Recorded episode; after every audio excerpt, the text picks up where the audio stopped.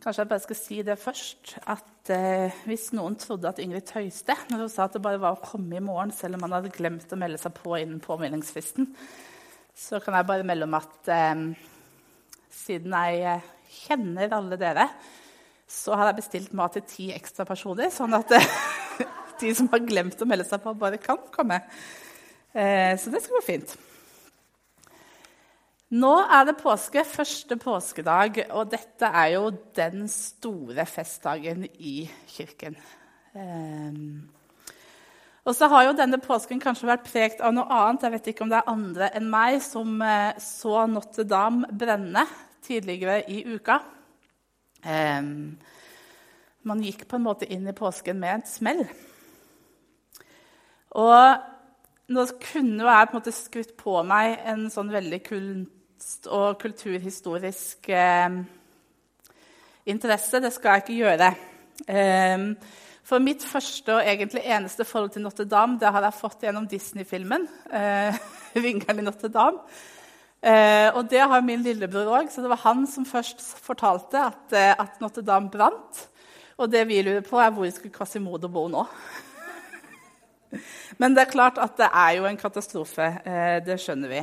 800 eh, år med kunst og kultur og historie og menighetsliv som brenner til grunnen. Og en katedral som man har bygd på i mange hundre år, og som på en måte tar noen timer å rive ned. Og I den katastrofen så er det ett bilde som jeg har sett som på en måte har brent seg fast på netthinna. Og det er kanskje andre som har sett det, at midt i ruinene hvor det ligger på en måte brent eh, kunst og stein og røyk og sot og mørke. Så står dette gullkorset på alteret og på lyser og er det eneste som står igjen. Og så tenker jeg at Det er jo en preken i seg sjøl. Midt i katastrofen. Eh, om så tak og vegger og tårn raser, så står grunnmuren fast. Jesu kors, det ene som kirken er bygd på, og det som er grunnmuren, og det som både Notre-Dame og alle andre menigheter og kirken er bygd på. Og så møter vi i dag i dagens tekst Maria, som er på vei til graven, Jesu grav, tidlig på morgenen. Det er fremdeles mørkt. Sola har ikke stått opp. Og så tidlig som de kanskje hadde lov til å gå. Fordi Maria gjør det som alle vi gjør når vi sørger. Hun har lyst til å gå til graven og være nær den vi har mista. Og stelle for den døde. Og Vi møter Maria midt i mørket og katastrofen. og Det er det litt vanskelig for oss å huske når vi leser den teksten, for vi vet måte hvor vi skal hen. Men prøv å være med meg på det at eh, når vi møter Maria i begynnelsen av den teksten, så vet ikke Maria hvor vi skal hen. Eh, hun er midt i katastrofen og midt i sin egen branntomt. Fordi hun har nettopp sett at sin beste venn har blitt eh, drept. At han som endra hele hennes liv, ble nagla til et kors. Og lever på en måte i fortvinelse og sorg og forvirring og smerte etter det og er på vei til grava. Og så er hele denne fortellingen full av eh, forvirring. på en måte. De er på vei, og den ene går fortere enn den andre. og Noen ser inn, og andre ser ikke inn. Og, og den ene disippelen tror, og så er det noen som ikke tror. Og, og, det er så mye forvirring og forventning, og det er så mye sorg og fortvilelse. Og Maria kjenner ikke Jesus igjen når hun først ser ham. Og det å tenke jeg sier noe sant om livet. For nå har jo Jesus stått opp, og det er et faktum. Men allikevel så er ikke Maria sin omstendighet endra med en gang. Det er fremdeles forvirring og fremdeles sorg og smerte. Helt til Jesus sier navnet hennes Maria, og hun skjønner hvem det er. Og så tenker jeg at Sånn er påsken, og sånn er livet. Og Vi feirer påsken og ønsker hverandre god påske. og For noen så er det en god påske, og for noen så er det kanskje en litt vond og vanskelig påske. Eh, fordi at livet har mange sider. Eh, og så favner påsken alle.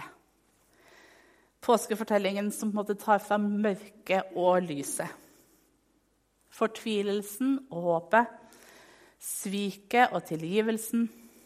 Sorgen, savnet, døden, men også livet og oppstandelsen. Og påsken forteller oss mest av alle eh, om nåde og nye begynnelser og håp. Og så er dagen i dag første påskedag dagen da vi feirer at livet vant. Jesus vant. Kjærligheten vant, og håpet har vunnet. Og at det fins noe som er større og sterkere enn alle de omstendighetene som er livet vårt, og livet sånn som vi møter det, og som vi kan få holde fast på. Det er noe det er noen som hjelper oss, og som bærer oss, og som holder oss oppe gjennom alt det som er vanskelig. Så er det et paradoks at det som var symbolet for lidelse og død, korset, et torturredskap, har blitt symbolet for kjærligheten, for Guds kjærlighet, som er mye større enn både livet og døden. Og så trenger vi påske i livene våre. Vi trenger lyset og livet og våren og ny begynnelse. Vi trenger denne fortellingen inn i livet. Den nye starten. Om igjen og om igjen og om igjen. Og Maria og de andre disiplene de springer fra graven og de møter, og møter som de har hatt med den oppstandende Jesus. Og så forteller de det videre. Og så forteller de det videre til noen som forteller det videre helt fram til dagen i dag, hvor vi sitter her og har en gang og mange ganger hørt den fortellingen. Og så trenger vi påsken fordi at påskefortellingen òg er en del av vår fortelling, og vi er invitert til å ha påsken som en del av vårt liv. At eh, min historie og Jesus' sin historie henger sammen. Og Som kristne så er vi kalt til å leve et liv som ligner Jesus sitt liv. Eh, og det handler litt selvfølgelig om etikk og moral og måten som vi velger å leve på. Og så handler det mye om at Jesus sin død og Jesus sin oppstandelse skal bli min død og min oppstandelse. At jeg har fått del av et evig liv og en oppstandelsesverden som jeg kan få leve i her og nå, og som jeg kan få lov til å være med å gi videre til andre. Og at et korset kan være med å gi kraft, det kraften og det motet som jeg trenger for å leve i oppstandelsen selv og det evige livet og på en måte være med og gi det til andre. Og Det tenker jeg er på en måte viktig å ha med oss at korset og Guds kjærlighet og håpet og livet det handler ikke bare om at en dag der framme så skal vi komme til himmelen, selv om vi skal komme til himmelen. Det handler om at Gud har kommet nær, og han er til stede her eh, i verdenshistorien med hud og hår og vil være en del av vårt liv og vår hverdag.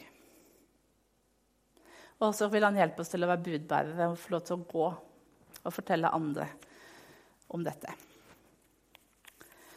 Og så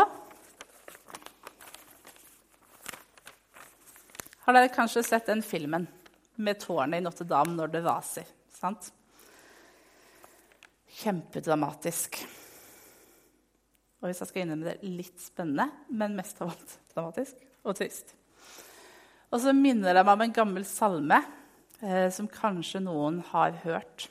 Eh, av Grundtvig, som, sier, som, heter 'Kirken den er et gammelt hus'.